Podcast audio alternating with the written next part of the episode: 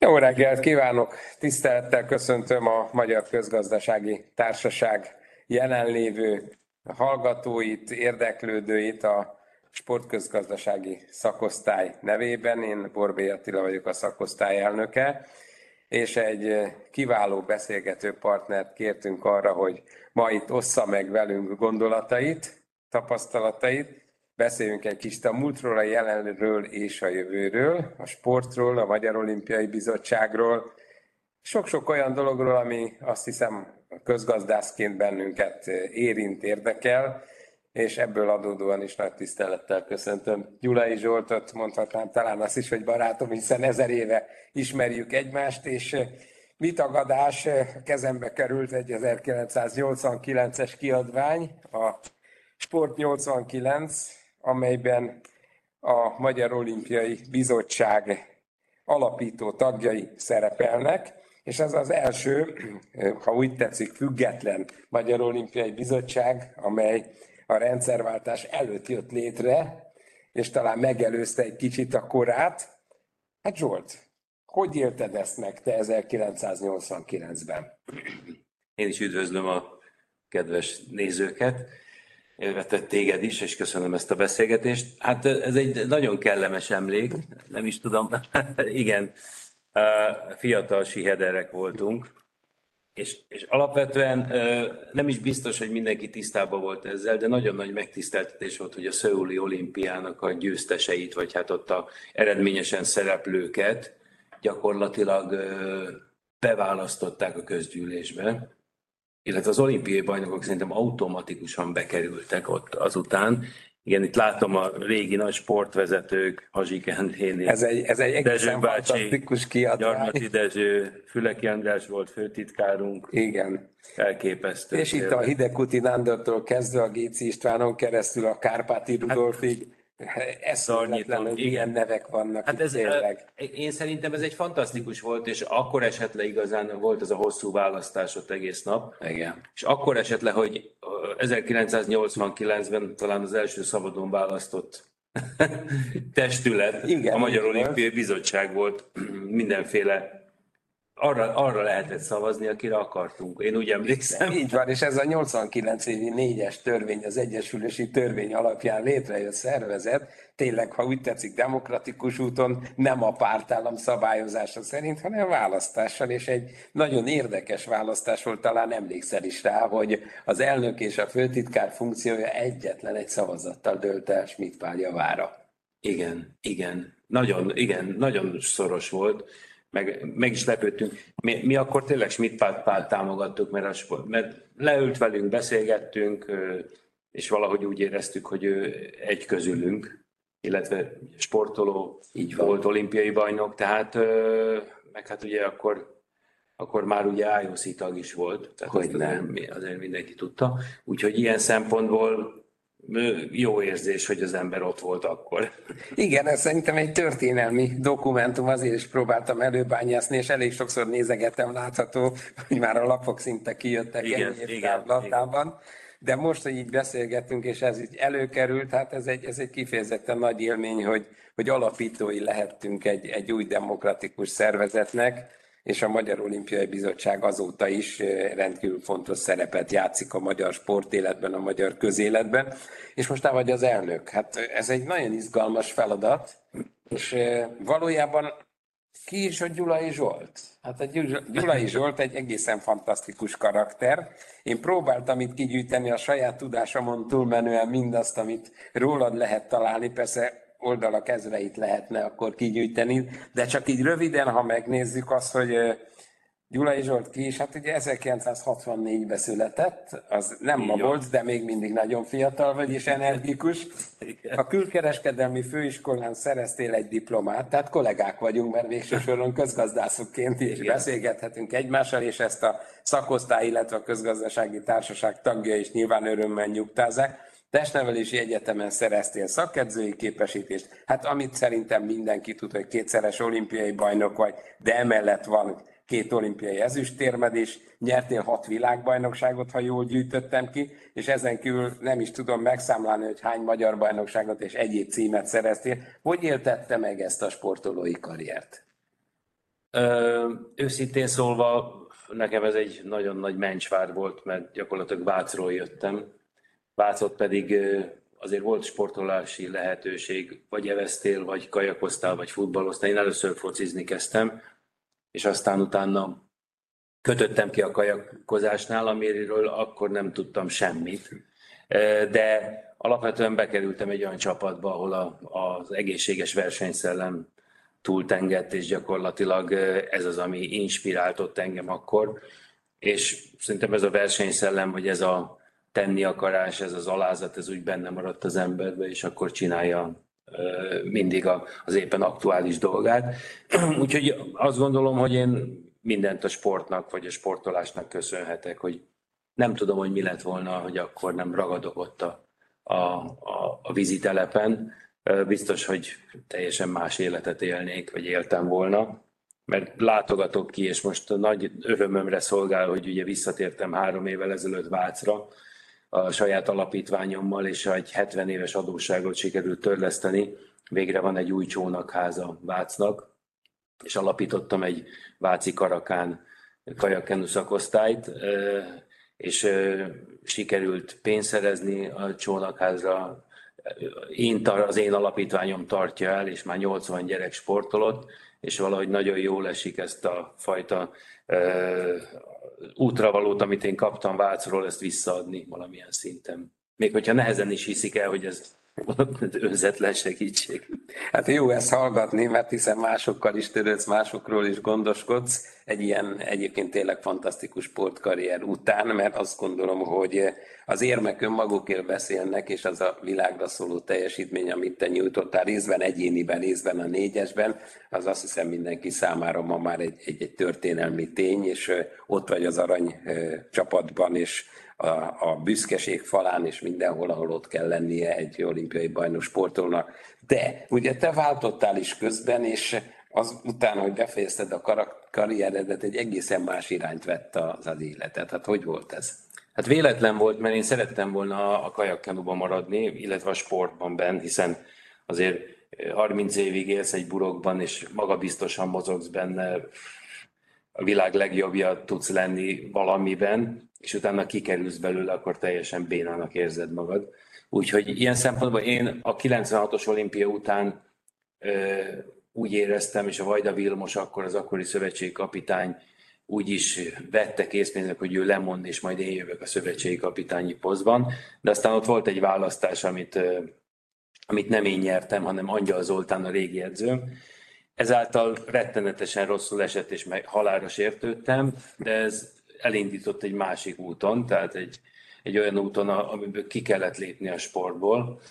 Először egy sportmárkának voltam a marketing igazgatója, majd külföldi képviselője, és, és elindultam a saját magam útján. Alapvetően akkor, amikor abba, abba 90-es években azért bizonytalan volt a sportoló léte. Ha nyertél világbajnokságot, vagy olimpiát, vagy sikeres voltál, akkor jó volt, de, de anyagilag nem tudtad megalapozni az életedet.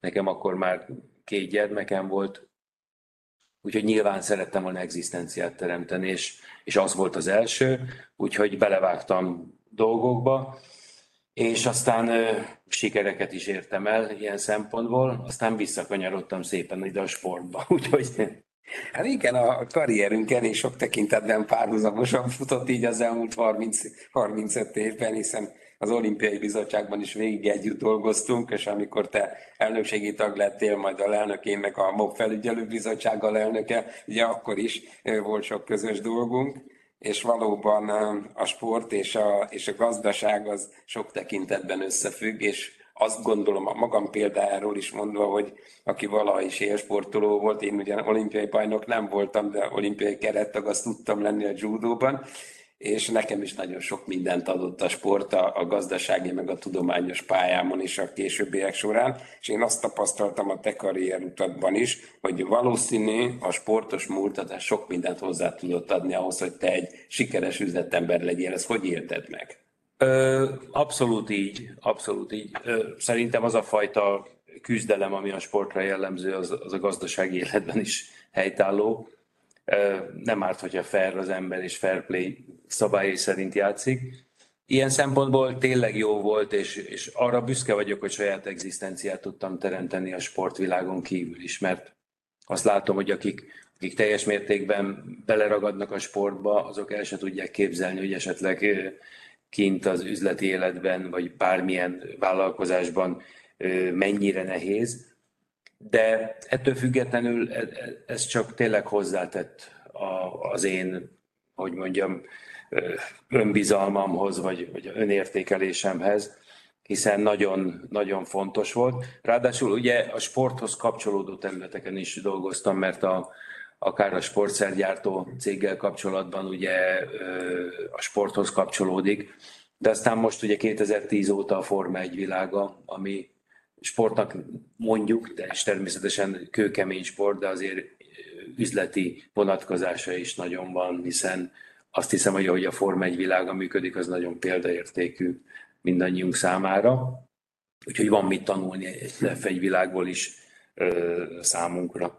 Ez nem vitás után elmentél a dohányosok felé is, és ott is kaptál egy nagyon magas pozíciót. Ez hogy keveredett hozzád? Úgy, hogy ugye én csináltam a, a Forma 1 és akkor jött a, a, a dohánytörvény, és a életem egyik legérdekesebb feladata volt, bárhogy is kapott politikai felhangot, gyakorlatilag nyolc hónap alatt át kellett alakítani a kiskereskedelmi piacot, ugye egy körülbelül 35 ezer elárusító hely helyett kellett létesíteni 6 ezret, hiszen a, a dohánytörvény megszabta azt, hogy csak határozott keretek között ugye dohánybontban lehet dohányáruhoz jutni, illetve a 18 év alattiak nem látogathatják, úgyhogy ennek megfelelően azt gondolom, és saját magam raktam össze azt az 50 embert, aki ezen dolgozott, a pályázati rendszert, a szoftveres hátteret, és azt gondolom, hogy a rendszer fantasztikusan működik. Én négy évet töltöttem el a,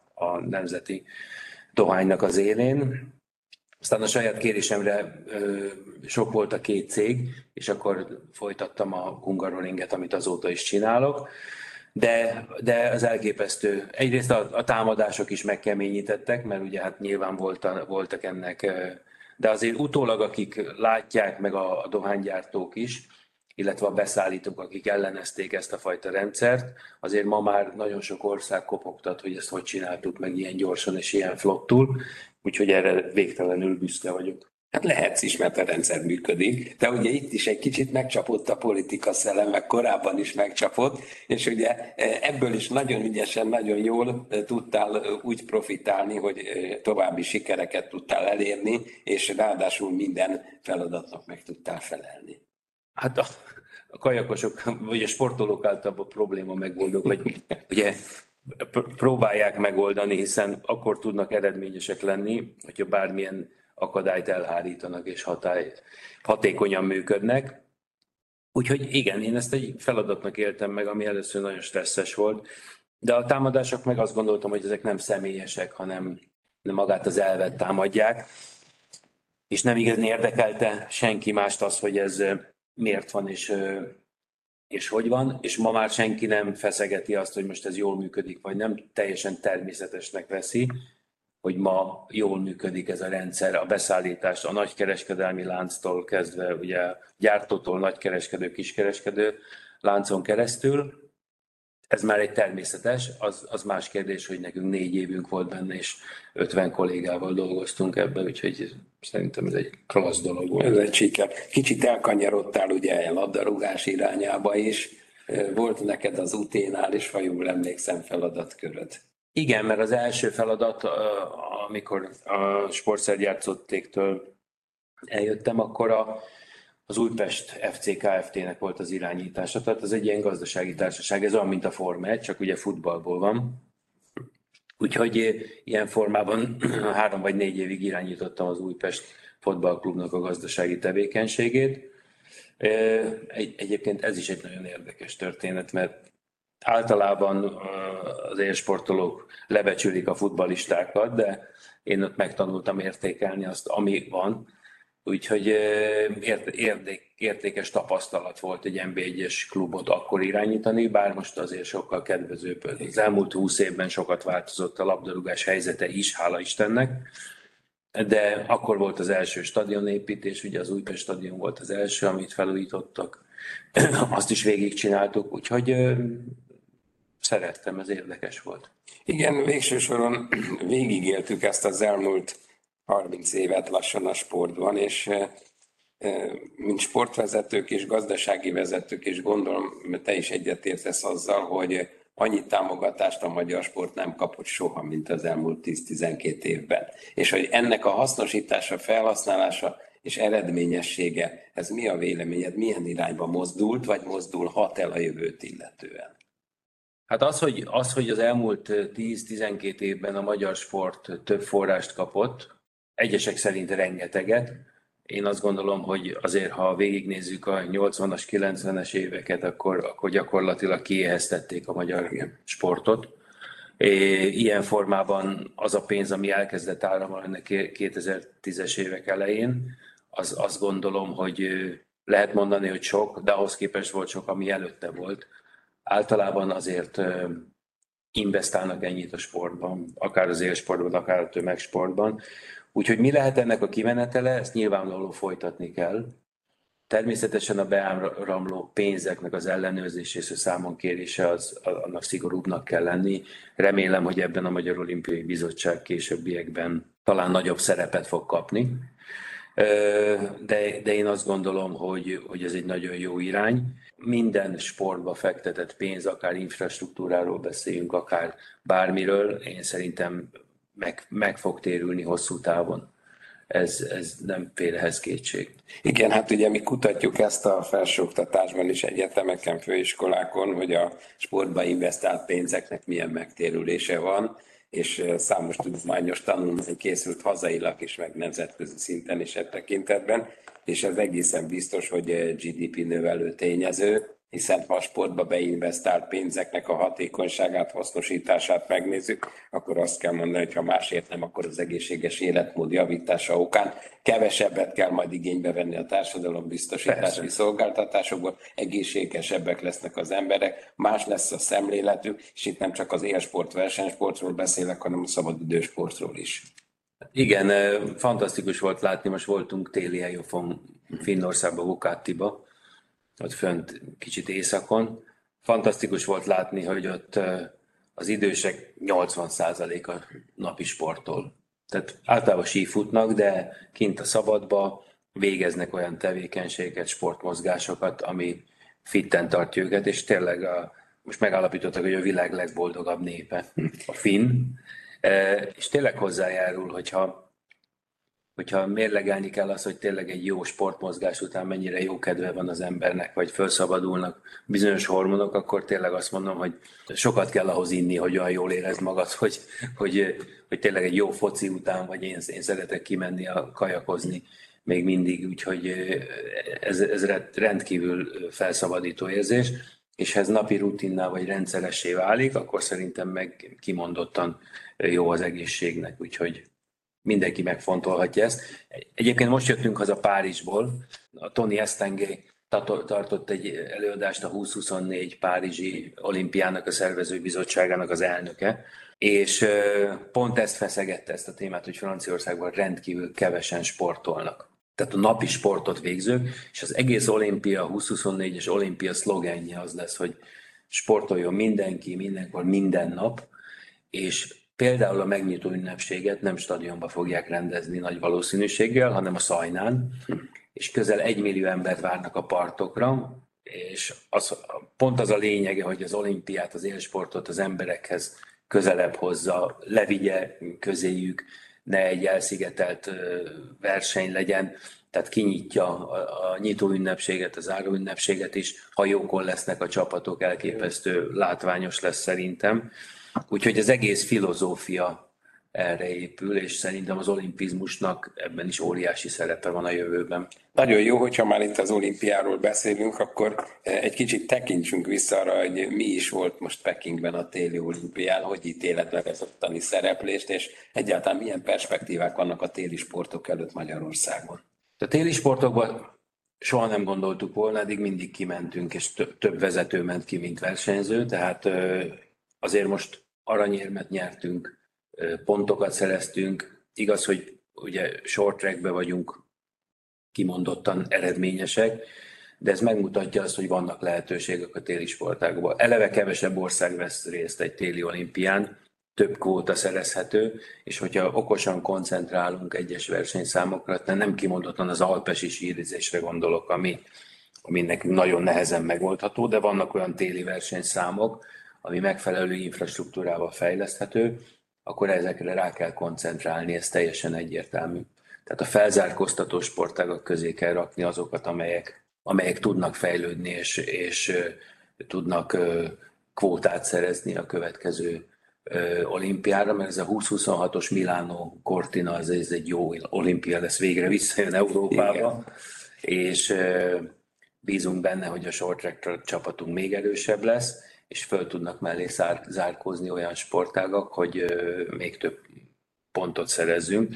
Tehát a, a növekedési potenciál szerintem a téli olimpiában benne van. Hát ez szuper, mert ugye láthatjuk, hogy a jégkorongozóink most ugye a legfelsőbb ligába kerültek, hogy aztán ott ott szerepelnek, majd eldől hamarosan néhány napon belül, de ott vannak, és ez is már egy óriási eredmény. Hát a férfiaknak a kijutás nagyon nehéz, fantasztikus bravúr lenne, de a hölgyeknél ott, ott megvan a realitás. Tehát idén is ö, nagyon kicsim múlott, hogy nem volt ott a női csapatunk. A női csapatunk ö, fel tud készülni jól, és összeáll egy jó korosztály, akkor 20-26-ra akár ott is lehet az olimpián, és az viszont kvóta számban meg fantasztikus. Hát igen, ez nagyon jó lenne, de ha már a hölgyekről beszélünk, ugye, hát a te családodban van négy hölgy, ugye a feleséged és három lányod. Igen, igen. Tehát mindig azt mondják, és ezt lehet, hogy szlogen, de, de szerintem van igazságtartalma, hogy egy sikeres férfi mögött mindig kell, hogy álljon egy sikeres háttér, és ez neked megvan. Hát igen, feleségemmel most már 40 éve vagyunk együtt, igen, ez egyértelmű. Nagyobbik lányom Blanco Olimpia, ugye a neve, nevében is benne vannak. Ő is uh, ifjúsági Európa bajnok és világbajnok volt kajakban, de most már ott is jön a második uh, gyermek, tehát van egy fiú unokám, és most jön a júliusban egy újabb hölgy, a Blankánál, Rebeka lányomnál meg van egy kislány, most már ugye egy, most már jön a harmadik unokám, és Csenge lányom, ő pedig 17 éves lesz, úgyhogy még tanuló. Hát ők is sportoltak, igen, és Rebeka is magyar bajnok, Ergés volt, nagyon fegyelmezetten sportoltak, és szerintem a civil életükbe is a sport az nagyon sokat hozzátett, hogy sikeresek legyenek, vagy ellenállóbbak. Igen, ez egy fantasztikus sportcsalád. Én emlékszem, amikor a Magyar Ritmikus Gimnasztika Szövetség elnöke voltam, és a lányod ott vitézkedett a szőnyegen, te pedig igen csak vehemensen izgultál a nézőtéren, hogy a pontozók milyen pontokat adnak neki, de hogy egy sportpapának, sportmamának ez kell, ugye igyekszünk így szurkolni a gyerekeinkért. Igen, a pontozás, pontozás az távol állt tőlem, az mindig, bár mindig azt mondtam neki, hogy nyújtsa a legjobbját, és koncentráljon a saját gyakorlatára, aztán utána az már nem rajta múlik. Ami rajta múlik, azt kell jól teljesíteni, de ennek megfelelően nagyon fegyelmezett volt, és a mai napig is az, úgyhogy rengeteget adott ez a sport mindenkinek. Igen, és gondolom, hogy majd az unokák is valamilyen sportirányba fognak elindulni, mert hiszen lehetetlen, hogy ilyen családi háttér mellett az unokáknál sportoljanak. Szerintem ez egy természetes dolognak kell lenni. Az, hogy a óvodán, iskolán kívül is egy más környezet legyen a gyerekeknek, nagyon fontos a fejlődésük szempontjából. Ne csak egy közösséghez tartozzanak, hanem legyen máshol is, ahol tudnak szocializálódni, mert szerintem egy, egy, egy uszodába, egy, vizitelepen, vagy egy tornaterembe egy közösséget építeni. Én azt látom, hogy akik, akik így nőttek fel, később az aktív életükbe is összetartoznak, összejárnak azzal a társasággal, megszeretik a sportot. Még hogyha nem is voltak világbajnokok vagy magyar bajnokok, akkor is szerveznek önmaguk számára mozgásformákat, és vetélkednek egymással, és ez megmarad, megmaradhat. Hát Petróci Jani barátom 84 évesen is még lejár kajakozni, és minden nap ott van az, az, az edzésen. Úgyhogy szerintem ez, ez nagyon fontos. Én is így látom. Hogy ítéled meg a honvédelmi sportoknak a jelentőségét, különösképpen ugye a mostani viszonyok között, ugye a honvédelem fejlesztése, a haderőfejlesztés az egy stratégiai feladattá vált, és ugye a Honvédelmi Sportszövetség is ebbe az irányba mozdul el, hogy általában a honvédelmi sportokról neked mi a véleményed? Hát az, hogy rendkívül jó helyen van ott a, a sport. Alapvetően nekem van egy nagyon kellemes emlékem, amikor bevonultam katonának a budapesti honvédba, olyan körülmények közé kerültünk, ami nagyon-nagyon segítette az élsportot. Nem véletlen az, hogy, hogy Szöuli olimpia, akkor azt hiszem a budapesti honvéd az az első, nem tudom, első 12-ben lett volna aranyérmek számába, vagy érmek számába, mert mindannyian honvédosok voltunk, akkor még a 80-as években ott, ott nagyon jó körülmények voltak. Alapvetően szerintem összeillik nyilván a fegyelem, az alázat és a, a, a hogy mondjam, a szabálykövetés, ami a honvédségre, vagy a katonákra és a sportolókra is vonatkozik, az szerintem nagyon jó, hogyha együtt van. Biztos vagyok benne, hogy a, a nem csak a, a honvédségnek a, az állománya fejlődhet ebbe a dologba, hanem, hanem kialakulhatnak olyan élsportolók, vagy fejlődhetnek olyan élsportolók, akikre a magyar olimpiai mozgalom is számíthat. Kiváltképpen most tényleg ugye régen ugye a honvédségből vagy a katonaságból indultak ki azok néhány olyan sportágunk, amely kinőtte magát és olimpiai sportág lett Úgyhogy ez szerintem azóta is szorosan összefügg. Igen, hát én is így látom, mint a Honvédelmi Sportszövetség alelnöke, és ugye dolgozunk azon, hogy eh, ezek a típusú sportágak mind a szabadidő vonatkozásában, mind az élsportban egyre inkább előre lépjenek. Éppen a Honvédelmi Sportszövetség elnöke, Simicskó is rá volt honvédelmi miniszter, pont tegnap lett az ötös a szövetség elnöke. Nem véletlen. Nem véletlen, minden mindennel összefügg, Igen. szoktuk mondani. Igen, hát ez egy nagyon érdekes dolog, és eh, tulajdonképpen eh, eljutottunk oda, hogy eh, visszatértél a Magyar Olimpiai Mozgalomba, most ezúttal első számú vezetőként, hiszen voltál elnökségi tag, voltál a lelnök, voltál tag 89 óta, tehát neked van egy történelmi hagyományod ebben. Mik az elgondolásai, céljaid, mint eh, friss elnöknek? Hát egyrészt teljesen más alelnöknek, elnökségi tagnak vagy közgyűlési tagnak lenni, mint elnöknek. Tehát máshogy látja egyrészt jobban belelátod MOB iroda működésébe, másrészt az a, az a feladat cunami, ami ráhárul itt MOB elnökként, azért az nyilván teljesen más. Tehát könnyű az elnökségi tagoknak idejönni havonta egyszer és szavazni, vagy véleményt nyilvánítani, vagy esetleg kritizálni, és más vezetni. Tehát ez egy két különböző dolog. De ettől függetlenül nyilván egy felemelő és egy régi állam beteljesülése lehet. Mondtad, hogy kap az ember vállal feladatokat, vagy kap feladatokat, vagy jönnek a feladatok. Hát én sportolókoromban mondjuk a hangos autókat és a dohányzást nem szerettem. Ennek ellenére a Forma 1 és a dohányipart is meg, amit nagyon-nagyon szeretek, az, a, az az olimpia, vagy az olimpizmus, az élsport. Tehát azért szeretném ezt is megoldani valamilyen szinten. Az, hogy mi a megoldás, vagy hogy mi a végkimenet, az még egy kérdés, hogy kinek mi a, az eredmény. Azért itt ez egy nagyon árnyalt kép tud lenni. Nyilván az eredményesség megítélése az, az majd a Párizsi olimpia, vagy az olimpiai szereplések lehetnek, bár nincs egyenes arányban az itt befektetett munka és az eredmény között, hiszen Magyar Olimpiai Bizottság nem nagyon tud jelen pillanatban rövid távon vagy középtávon az eredményre hatással lenni. Furcsa dolog, ugye, hogy mert kérdezték azt, hogy, hogy meg lehet-e ítélni a Magyar Olimpiai Bizottság működését az eredmények alapján. Hát mondtam, hogy nem lehet megítélni, de mindig is így ítélték meg. Ilyen szempontból nehéz a kérdés. Egy biztos, hogy nyilván van egy szemlélet az embernek, hogy milyen olimpiai bizottságot képzel el. Én nyilván versenyzőcentrikus vagyok. Én, én azt gondolom, hogy én olyan olimpiai bizottságot szeretnék, vagy olyan légkört, hogyha egy versenyző bekerül az olimpiai csapatba, akkor mi az, amit elvár egy ilyen iroda működésétől. Hát olimpián, vagy olimpiai fesztiválon, vagy ifjúsági olimpián csak a Magyar Olimpiai Bizottság nevezése által juthat ki bárki a világversenyre. Tehát ilyen szempontból nekünk egy komfortos, kényelmes, jó környezetet kell teremteni az élsportolóink számára, hogy jól tudjanak szerepelni. Ez az egyik dolog, és ez egy természetes. Másik az, hogy maga a magyar olimpizmussal, vagy a történelmi hagyományokkal kapcsolatban a hagyományápolás, és az a fajta megbecsülése az olimpiai mozgalomnak, ez számomra nagyon fontos. Nem csak a sportolók megbecsülése, mondjuk a olimpiai életjáradékon keresztül, hanem maga az eszme ápolása is, és ez nekem elengedhetetlenül szükséges lenne a jövőben nyilván egy Magyar Olimpiai Múzeumra, az olimpiai sikerek bemutatására, egy méltó székházra, ahol a Magyar Olimpiai Bizottság, illetve az őt körülvevő sportágak ott vannak, tehát egy olyan, olyan közeget teremteni, ami, ami méltó mi 127 éves történelmünkhez.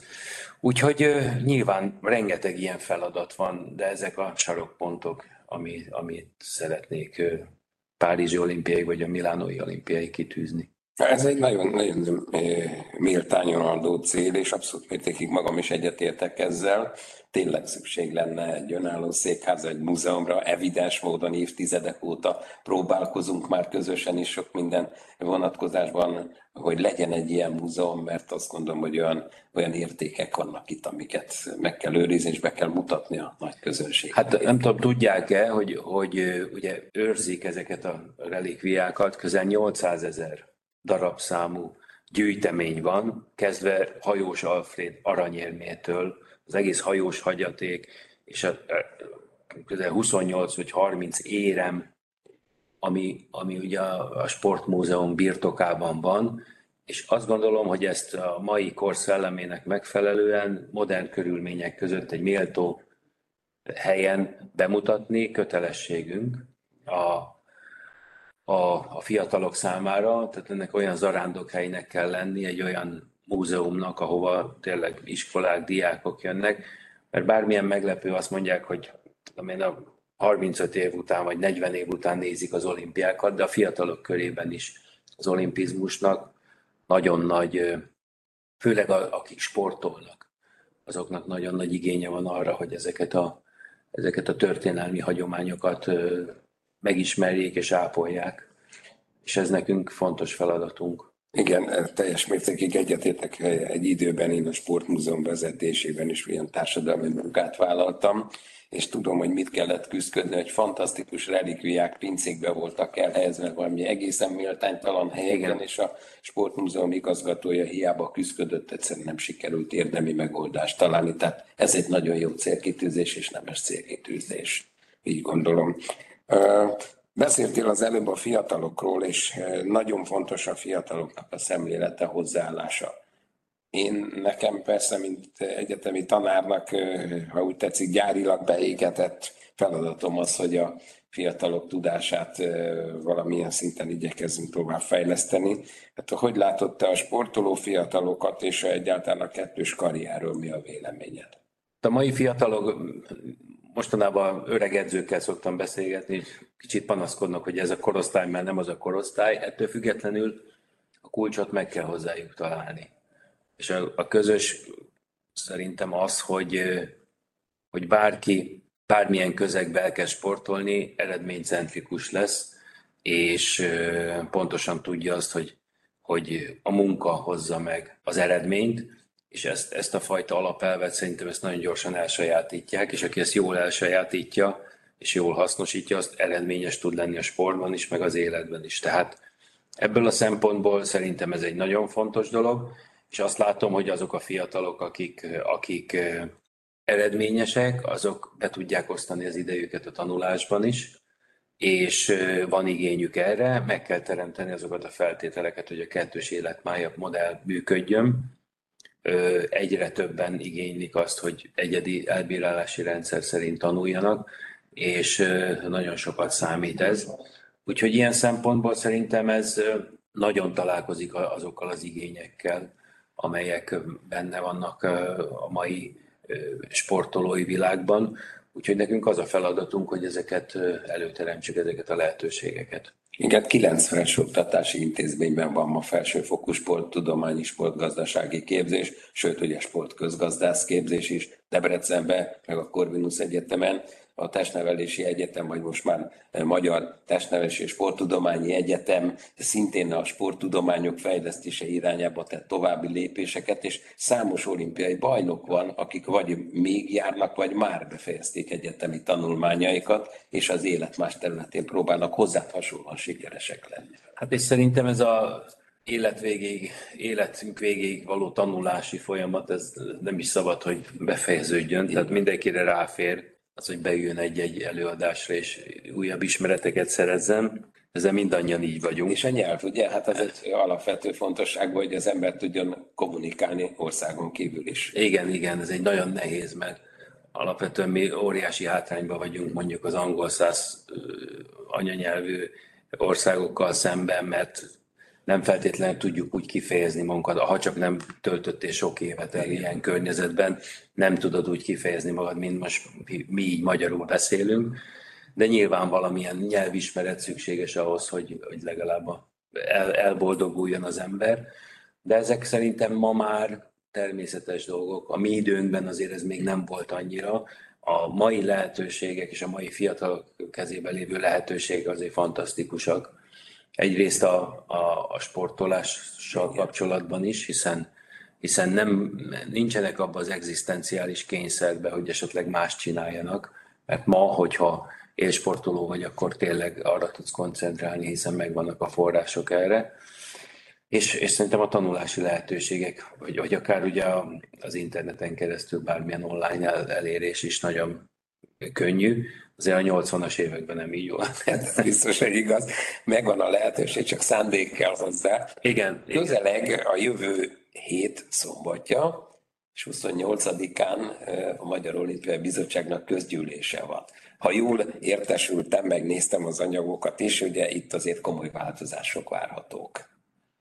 Hát alapvetően ugye a, az új alapszabály elfogadása az a legfontosabb, és, és én azt gondoltam, és ugye amikor januárban történt ez a fajta szakítás, akkor én azt gondoltam, hogy sokkal jobb volt a, nem régi rendszernek nevezném, de pontosan ugye visszanyúlva a 89-es első demokratikus választásra, nyilván akkor egy nagyon-nagyon széles spektrumból választott közgyűlést az egész sporttársadalom, és nagyon sokan voltunk ebben talán de évek alatt azért ez realizálódott, viszont ezeket a delegáló szervezeteket, amelyek kilettek zárva az előbbi közgyűlésben, nyilván nem lehet figyelmen kívül hagyni. És én azt ígértem, hogy ha, ha elnök leszek, akkor arra fogok törekedni, hogy egy olyan igazságos közgyűlés álljon föl, amely szélesen képviseli a magyar sport teljes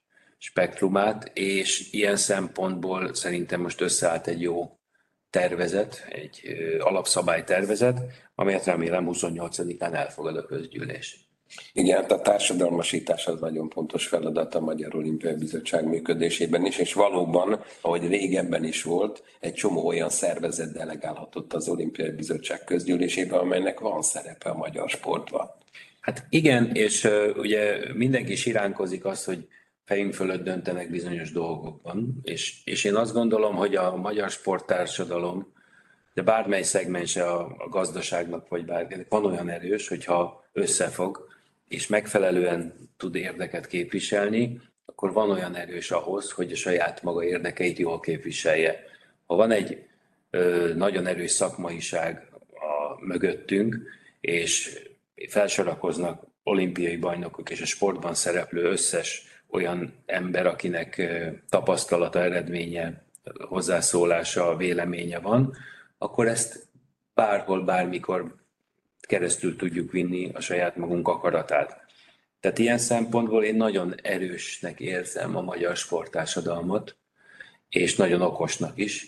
Nem véletlen az, hogy előbb alakult, alakult meg 89-ben, mint a magyar parlament, Úgyhogy ilyen szempontból a magyar sporttársadalomnak is azt kell észrevenni, hogy egységes érdeket kell képviselni, és ez nem lehet más, mint a Magyar Olimpiai Bizottság, hiszen a Magyar Olimpiai Bizottság egy szabadon választott társadalmi szervezet, amelynek kötelessége az érdekünket képviselni és érvényesíteni, de ehhez nem külön utakat kell találni, akár a politikához, vagy bárhova, hanem a Magyar Olimpiai Bizottság közgyűlésébe, elnökségébe és a Magyar Olimpiai Bizottságba kell ennek tömörülnie. Igen, hát kíváncsian várjuk ezt a jövő heti közgyűlést. Én azt gondolom, hogy jól előkészített és nagyon színvonalas anyagokkal lehet nekivágni. Az elgondolás és a stratégiai célkitűzés az meg világos. Meg szoktuk adni mindig a lehetőséget arra, hogy a hallgatóság kérdezzen tőled, így élőben, úgyhogy megkérdezem azt, hogy kinek van Gyulai Zsolt elnök úrhoz bármilyen kérdése, és akkor most átadom a szót Nagy Gábor Miklós titkárságvezető úrnak a koordinációra. Igen, elnök urak, lenne több kérdésem is, előbb egy megjegyzés. A Magyar Közgazdasági Társaság egy évvel öregebb egyébként, mint a Magyar Olimpiai Bizottság 1894-ben alapítottak minket, és a MOV első elnöke Berzelici Albert nagyon aktívan vett részt annak idején a társaságunk munkájában számos rendezvényünkön vett részt, ugye országgyűlési képviselőként, meg a képviselő az elnökeként később, ahogy erről a közgazdasági szemle annak idején beszámolt, ez csak a zárójeles megjegyzése, de mindig büszkék vagyunk, amikor két ilyen, ilyen öreg egyesület uh, találkozik. A kérdéseim pedig a következők lennének. Juan Antonio Szavarács május elején azt nyilatkozta, hogy Budapest ez a Magyarország lenne a legideálisabb helyszín egy olimpiának, és hajrá pályázzuk meg. Elnök úr mennyire látja ennek a realitását, vagy milyen időtávban látja ennek a realitását? Ez az első kérdésem. A második pedig a Hungaroringgel kapcsolatos.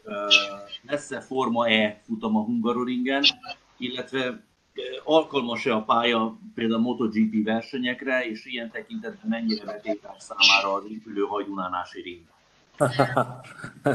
Jó kérdések.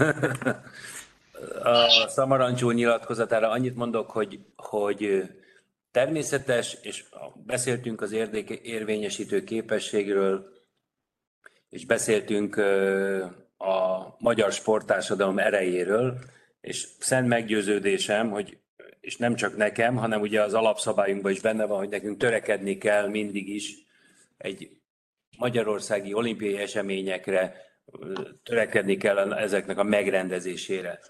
Tehát ilyen szempontból bárki bármit mond, nekünk mindig meg kell célozni az olimpiai rendezést, és nem csak ez a dolgunk, hanem az, hogy a, ennek a társadalmi elfogadottsága az erős legyen, és, és azt gondolom, hogy ebben is nagyon jók tudunk lenni, tehát nem kell várni a politikára, és nem kell várni a, a politikusok nyilatkozataira, nekünk mindig arra kell reálisan törekedni, hogy mikor van esély. A meggyőződésem az, hogy, hogy a Párizsi olimpia utáni első európai olimpiára van esélyünk, és ezt a Szamarancs úr is megerősítette. Aztán az utána lévő vacsorán, amikor ezt nyilatkozta, ott álltam mellette, mondtam, hogy ez egy bátor nyilatkozat volt, és köszönjük a biztatást de a, a vacsora alatt sokat beszélgettünk arról, hogy, hogy mi lehet ennek a kimenetele. Azért itt 24 után kell ma jelentkezni erre a feladatra, és ráadásul ugye most nem is szavazás van, hanem van egy bizonyos bizottság, ahol beszélgetések folynak, és ugyanúgy, hogy Brisbane-nek szépen odatták, ez, ez most nem szavazósdi lesz, hanem elsősorban oda fogják adni az olimpiát, ahol nagyon akarják, és nagyon nagy a társadalmi elfogadottsága. Természetesen amellett, hogy a létesítmények megvannak. Na most abban biztos vagyok, hogy nekünk 24-re, 26-ra minden olyan létesítményünk megvan, ami kell egy olimpia rendezéséhez. Az semmi kétségem a felől, hogy sokkal jobb olimpiát rendezünk, mint bárki más, hiszen hogyha megnézzük, hogy milyen világversenyeket rendeztünk az elmúlt időszakban, és milyen színvonalon, akkor senkinek nem lehet kétsége, és a nemzetközi vezetésnek sincs kétsége, hogy Magyarország jó házigazdája lehetne. Tehát az, hogy mikor kell kijönni ezzel a dologgal, az egy kérdés. Azért azt ne felejtsük el, hogy ugye Los Angeles, Brisbane, 32, ha 36-ban mondjuk akár Doha, akár India akarja, akkor lehet, hogy oda fog kerülni az olimpia, akkor már csak 40-ről beszélünk. Tehát ezért látom azt, hogy az első Európai Olimpia Párizs után óriási szansz van, miután Madrid most visszakozott. Úgyhogy nekünk azon kell dolgozni, hogy a magyar sportolói társadalom elfogadtassa a, a közvéleménnyel, hogy ez minden szempontból nagyon jó üzlet és nagyon jó országimás, és ez szent meggyőződésünk, hogy ez így van. Úgyhogy biztos vagyok benne, hogy előbb-utóbb fogunk olimpiát rendezni. Az a kérdés, hogy hol leszünk mi akkor. De, de szerintem ezen kötelességünk dolgozni a jövőben. És nem pedig ilyen gazdasági, mondva csinált gazdasági ügyet, vagy engedni olyan, hogy mondjam, szervezeteket itt szóhoz jutni ebbe, akik elviszik politikai irányba. Nekünk szigorúan szakmai szempontok alapján ezt képviselni kell. A másik kérdés a Forma 1-re van, az, hát Formula E nem lesz a kötött pályán, mert az, az városi történet. Tehát a, a Formula E rendezői mindig is városba akarják bevinni ezeket, és nem igazán a verseny a fontos, mert az elég unalmas és hangtalan, hanem a, az e-village, a, ugye a, a, egy e-falut fölépítenek, ami az elektromos autózásra vonatkozik. Ez egy nagy üzleti vállalkozás, Nekem vannak kétségeim az elektromos autózással kapcsolatban is, de ez már nyilván egy szakmai kérdés. A Forma 1 az évek alatt, ugye, amikor a Liberty Media átvette Bernie Ecclestontól a, a Forma 1 jogokat, akkor már hú, már nem érdekli senkit, meg nem tudom, ilyen, olyan, amolyan. Az a folyamat, amit most látunk a Forma 1 az elképesztő fejlődés. Most már a harmadik amerikai futamról beszélnek, most már Las Vegasba telket vesznek a Liberty tulajdonosai. Tehát ebből látszik az, hogy mennyire fölkapták. A saját magunkból én azt tapasztaljuk, hogy régen négy-öt ember foglalkozott a hétvégén a mondjuk a futamon kívüli rendezvényekkel, ma már 50-60 ember foglalkozik azzal, hogy milyen fesztiválprogramok vannak egy-egy verseny alkalmával, tehát ez egy nagyon összetett, nagyon látványos, nagyon keresett dolog lett. Ráadásul ö, április 1-én elfogyott az összes jegyünk a Magyar Nagydíjra, nem tudunk több embert beengedni, tehát százezer ember lesz vasárnap. Nagyon szépen köszönöm, üdvözlök, üdvözlöm Önöket. Nekem is két kérdésem lenne, hogyha ha megengedhetem magamnak. Az egyik az lenne, hogy a, a, ugye az elmúlt két, két és fél év COVID helyzetével kapcsolatosan van-e már valamiféle helyzetértékelés, illetve a MOB-nak vannak-e tervei a gazdasági, társadalmi és sportszakmai helyreállítás vonatkozásában? Ez lenne az egyik, amit szeretnék esetleg megkérdezni. A másik pedig az, hogy, hogy a, az adatalapú stratégiai tervezéshez a MOB esetleg gondolkozik-e abban, hogy a KSH-val, illetve a piaci szereplőkkel együttműködve így a sportszatellit számlákhoz hasonló adatszolgáltatás bevezetésével támogatná esetleg a saját munkáját. Vannak -e esetleg ilyen irányú tervek? A, a sportinformációs rendszer az uh, alapvetően ugye állami irányítás alatt van, tehát ilyen szempontból ma a Magyar Olimpiai Bizottság jogosítványai azok mondhatjuk azt, hogy egyenlők a zéróval. Egy. Ettől függetlenül a MOB dolgozik és dolgozott. Például a Covid azt hozta, hogy 2020 elején elkezdődött egy sportstratégia írása, ami ma elkészült, egy 95 oldalas anyag. Szerintem az utóbbi évek legjobb elemzése és a legjobb összegzése az elmúlt 25 évről, és iránymutatása jövőre nézve. Gyakorlatilag közel ezer megkérdezett ember, aki kitöltötte ezt a kérdévet, rengeteg mély interjú és nemzetközi elemzés az, ami megalkotta a Magyar Olimpiai Bizottság élsport stratégiáját, sportstratégiáját. Ezt most az elnökség elfogadta, ezt röviden be fogjuk mutatni a közgyűlésnek is. Úgy érzem, hogy ha az új sportirányítás nyitott, mármint az új kormány megalakulása után, akkor ezzel a szakmai háttérrel szerintem el lehet indulni úgy, hogy a Magyar Olimpiai Bizottság nagyobb szerepet kap a, a jövő sport irányításában. Én szerintem ennél jobb sportstratégiát és átfogó elemzést senki nem fog készíteni. A Covid-nak ennyi volt a hozománya, csak hogy, a, hogy Covid-ról beszélünk, hiszen aztán elmaradtak a versenyek, és a, a sportigazgatóság Fábián László vezetésével ezt elkezdte, és szerintem nagyon jó anyag készült. Ö, egyébként pedig a véleményem szerint az élsportot nem annyira cibálta meg a Covid járvány, mert a sportolók tudtak készülni, az, hogy nem indultak versenyen, vagy elmaradtak versenyek, szerintem a teljesítményükre nem hatott különösképpen. Az, hogy egy, egy évvel eltolódott a Tokiói olimpia, ez meg még néhány sportákban, vagy néhány versenyzőnél szerencse is volt. Az viszont tényleg érdekes, hogy most voltak az olimpiák, most volt a Pekingi téli olimpia, és jövőre meg már kvalifikációs verseny van, tehát ilyen szempontból nagyon-nagyon gyorsan észhez kell térni mindenkinek, hogy Párizsban megfelelő kvóta számot szerezzünk, és megfelelő érmeket. Úgyhogy, de hogyha a kérdés arra vonatkozik, hogy a MOB milyen hatással tud lenni a mai folyamatokra, akkor azt, azt tudom mondani, hogy jelen pillanatban nem annyira. Őszintén szólva. Igen, köszönjük szépen Csilla, és akkor Szarvas úr, ha jól látom, jelentkezett újságíró.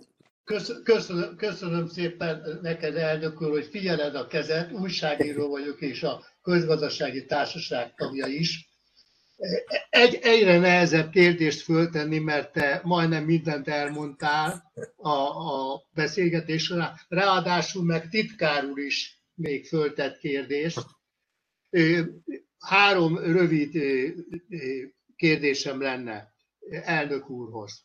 Az első, hogy gondolkozik-e az elnökség bővítésén, gondolkozik-e azon, hogy a sajtó nagyobb szerepet kapjon, mert én az elmúlt négy év alatt négyszer kaptam a MOV rendezvényre meghívást, és a harmadik pedig, amiről már Borbély professzor úr is beszélt, én is fölírtam magamnak, ugye tegnap volt a Öttusa Szövetségnek új, új elnöke van, hogy azon gondolkozik, gondolkozol-e Gyurai elnök úr, hogy, hogy a labdarúgáson kívül az egyéb sportágokkal is komolyabban foglalkozzon a, a média.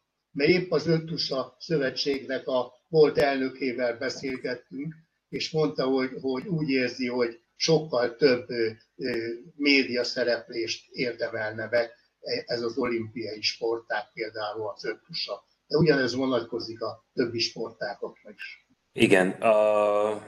melyik volt az első? Visszafele. Az, az elnökség bővítés. Az elnökség, az elnökség létszám az meg, meg van határozva, ezen nem fogunk a jövőben változtatni. Szerintem most ma a Magyar Olimpiai Bizottságnak van egy jó elnöksége. Ö, ö, nagyon fajsúlyos és jó sportágak, jó képviselői vannak benne, úgyhogy ilyen szempontból szerintem az elnökség rendben van. A, a sajtóval való kapcsolat, ezt, ezt én is érzékeltem, pedig kívülálló voltam, tehát én annyit tettem, hogy azt a sajtófőnököt leszerződtettem, aki 27 évig a Nemzeti Sportnál volt, rovatvezető, Tóth Anita, teljesen más szemlélettel bír, és azt gondolom, hogy a, remélhetőleg a Magyar Olimpiai Bizottság sajtó kapcsolata sokkal jobb lesz, mint a, az elmúlt időszakban. Sokkal több hírt, információt és olyan dolgokat osztunk meg a sajtóval, amit, amit érdemesnek tartunk. Nem utolsó sorban a Magyar Olimpiai Bizottság helyzetét, funkcióját és tevékenységét is jobban be kell mutatni. Ez nem egy olyan iroda, ahol, mit tudom én, öltönyös emberek csak mindig szavaznak és elnökségi, unalmas elnökségi üléseket tartanak, hanem itt történnek események, és azt gondolom, hogy az elkövetkezendő időszakban ez érzékelhető is lesz. Az, hogy az olimpiai sportágak mekkora média érdeklődést kapnak, ez nem biztos, hogy csak az olimpiai bizottságon múlik, de hogyha a világtrendet figyeljük, akkor külföldön sokkal rosszabb a helyzet. Tehát ilyen szempontból nagyon nehéz ráirányítani, ha csak nincs olimpia éve, vagy olyan kvalifikáció, vagy olyan hazai világbajnokság, akkor, akkor általában a futballal foglalkoznak, vagy az olyan szenzációs dolgokkal, ami, ami nincs is sok köze az élsporthoz. Tehát ilyen szempontból természetesen érezzük ezt a feladatot, de mindenféleképpen az olimpiai események sokkal inkább kihangsúlyozva nem csak a, a nagy olimpiák, hanem az ifjúsági olimpiák, vagy az európai ifjúsági olimpiai fesztiváloknak a, a promotálása sokkal nagyobb feladat. Úgyhogy ilyen szempontból a, remélhetőleg az új sajtóstratégiánk az sokkal jobb lesz és hatékonyabb.